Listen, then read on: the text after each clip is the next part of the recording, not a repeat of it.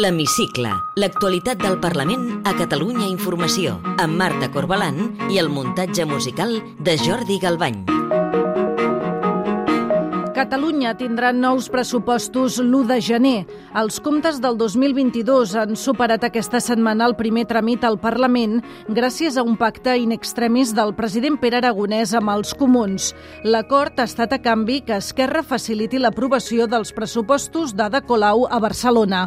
Precisament avui entrevistem el diputat d'Esquerra i cap de files dels republicans a l'Ajuntament barceloní, Ernest Maragall. Benvinguts a l'Hemicicle. Catalunya tindrà nous pressupostos, però el camí per arribar-hi no ha estat gens fàcil. S'ha trencat el bloc independentista al Parlament en la votació de la llei més important de qualsevol govern i s'ha obert també una nova esquerda entre Junts i Esquerra. Tot i canviar de parella de ball, Aragonès segueix allargant la mà a la CUP. És evident que la mà estesa que hem fet a la CUP continua estesa i segur que trobarem els camins per eh, retrobar-nos amb, amb la CUP en aquests compromisos de futur. N'estic plenament convençut, però avui tenim un pressupost. Davant la mà estesa del president, la portaveu de la CUP, Eulàlia Reguant, feia aquest avís. President, la investidura era un punt de partida, no era un punt i final. No pot ser que mesos després el seu govern negociï a la baixa el que era un acord de mínims. Cal construir un horitzó clar independentista. La legislatura també va d'això.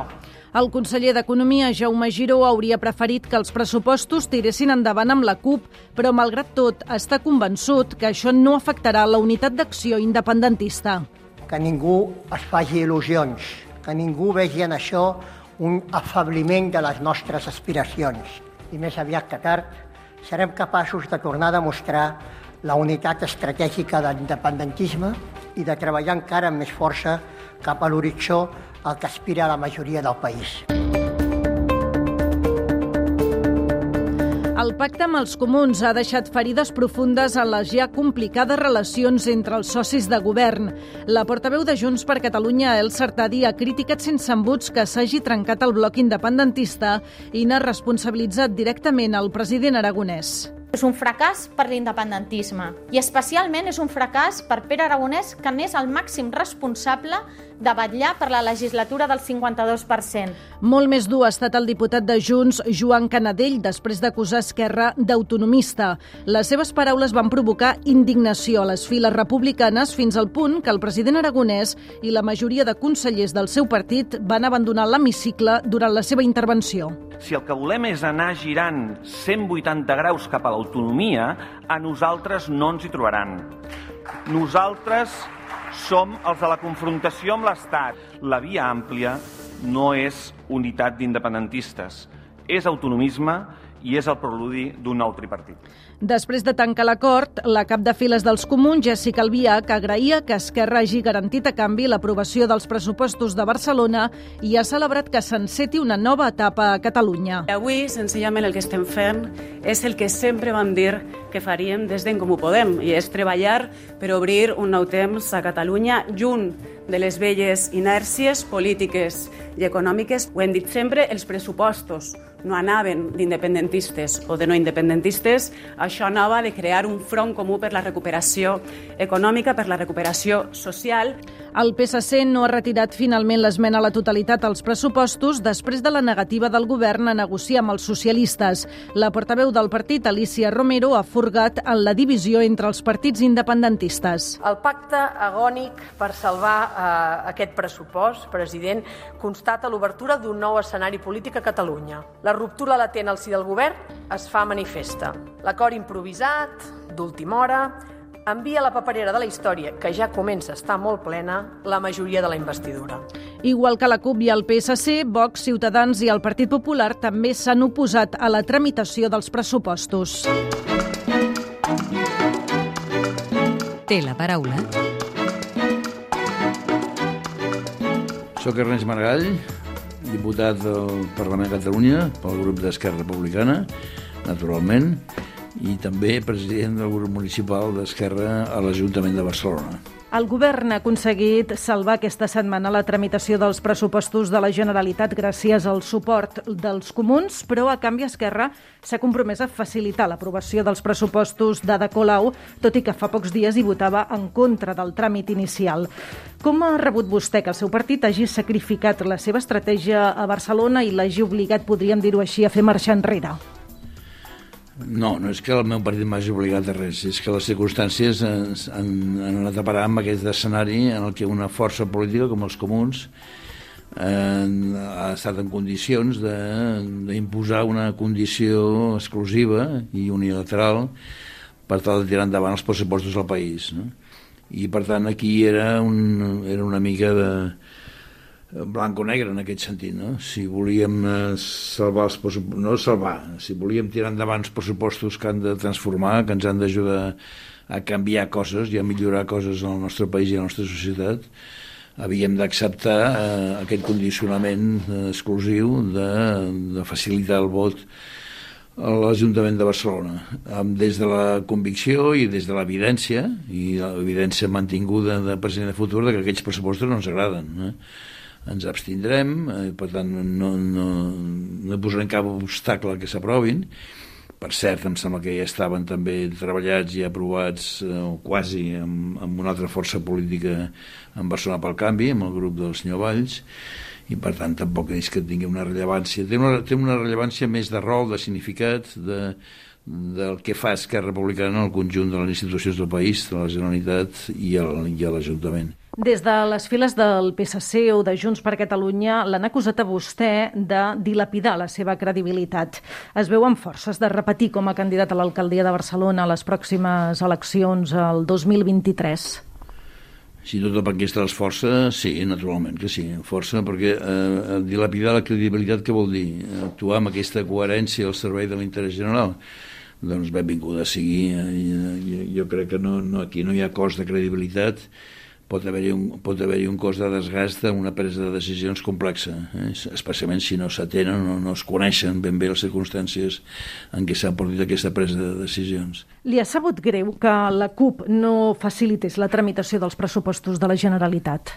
Home, doncs sí, francament m'ha sabut greu i em sembla que és una mostra de la dificultat que té aquesta organització a l'hora d'assumir responsabilitats. Jo crec que tenen tot el dret eh, a expressar els seus punts de vista i a defensar propostes concretes en els pressupostos i en qualsevol altre àmbit de l'acció política i parlamentària però crec que eh, és cert que en aquells moments hauria estat hauria sigut molt coherent i molt positiu des del punt de vista del conjunt del moviment independentista que tinguéssim una majoria quallada al voltant d'un projecte d'acció política expressada en uns pressupostos, que és la llei més important d'un any. Vostè dona per trencada la majoria independentista al Parlament?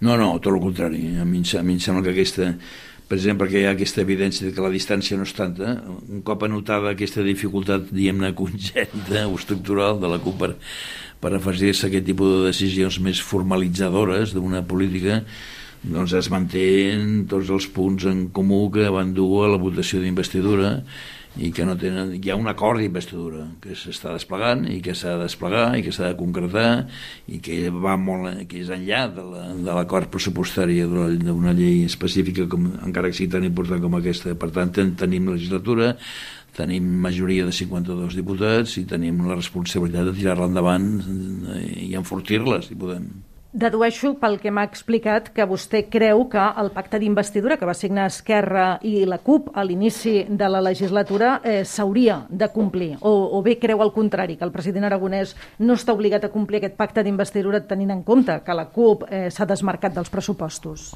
No, no, jo crec que estem obligats a complir-la tots, el president aragonès, la CUP també, i Esquerra Republicana com a grup parlamentari i com a majoria, com a grup de, de govern, no? evidentment el que segurament cal és una, és una, no una revisió, sinó una actualització, una posta al dia, a veure aquí, on estem, què hem complert ja, què manca per complir, què hi podem afegir, com podem enfortir-ho. Per tant, si creu que s'ha de complir aquest pacte d'investidura, dedueixo que també creu que el president aragonès s'ha de sotmetre a la qüestió de confiança a mig mandat, tal com s'havia pactat. Suposo que sí, que si és el que el pacte preveu, no veig cap motiu perquè, no, perquè això no succeeixi i estic convençut que és possible que quan arribi aquell moment doncs, tot sigui tot estigui millor en termes d'efectiva corresponsabilitat pràctica i acord real sobre polítiques, sobre estratègies i sobre decisions, sobre iniciatives a prendre en aquest Parlament. I per tant que la qüestió de confiança sigui un element més de reforç d'aquesta majoria. Junts per Catalunya ha carregat contra Esquerra per haver tancat l'acord de pressupostos amb els comuns. Dilluns mateix sentíem el diputat Joan Canadell aquí a l'hemicicle acusant el president aragonès d'autonomista i de situar, deia, la política catalana en l'avançala d'un nou tripartit. Comprèn les crítiques dels seus socis de govern? Jo crec que aquestes crítiques aquí qualifiquen a qui les, a qui les formula eh? i els qualifiquen en, no en el bon sentit, precisament. Si li sembla, parlem ara un moment del català. Aquesta setmana hi ha hagut una nova estocada judicial al sistema d'immersió lingüística. El Suprem ha confirmat la sentència del Tribunal Superior de Justícia de Catalunya que obliga a fer el 25% de les classes en castellà. Vostè, que va ser conseller d'Educació, creu que s'ha d'acatar aquesta sentència? Jo crec que ha quedat clar, eh? ha quedat clar que no, que ha quedat clar que hem, de, que hem de tirar endavant, que hi ha unes lleis que ens ha costat molt negociar, la catalana i l'espanyola que regula tot plegat, encara, de moment, i que per tant estem degudament protegits en termes de legislació. Això vol dir que no vol dir que, que hem de tancar els ulls i veure la, i constatar l'atac repetit des, de la, des dels governs espanyols i des de la justícia a l'hora de diguéssim, de, de torpedinar el que és una de les bases essencials del nostre país. Si li sembla bé, ens endinsem ara en el terreny més personal. Li demano si pot contestar a partir d'ara amb respostes com més breus millor. Per què va decidir fer política? Perquè estava en joc la llibertat i la democràcia en aquell moment. Vostè va entrar a l'Ajuntament de Barcelona el 1970, però pocs saben que va ser gràcies a la informàtica. Què hi feia?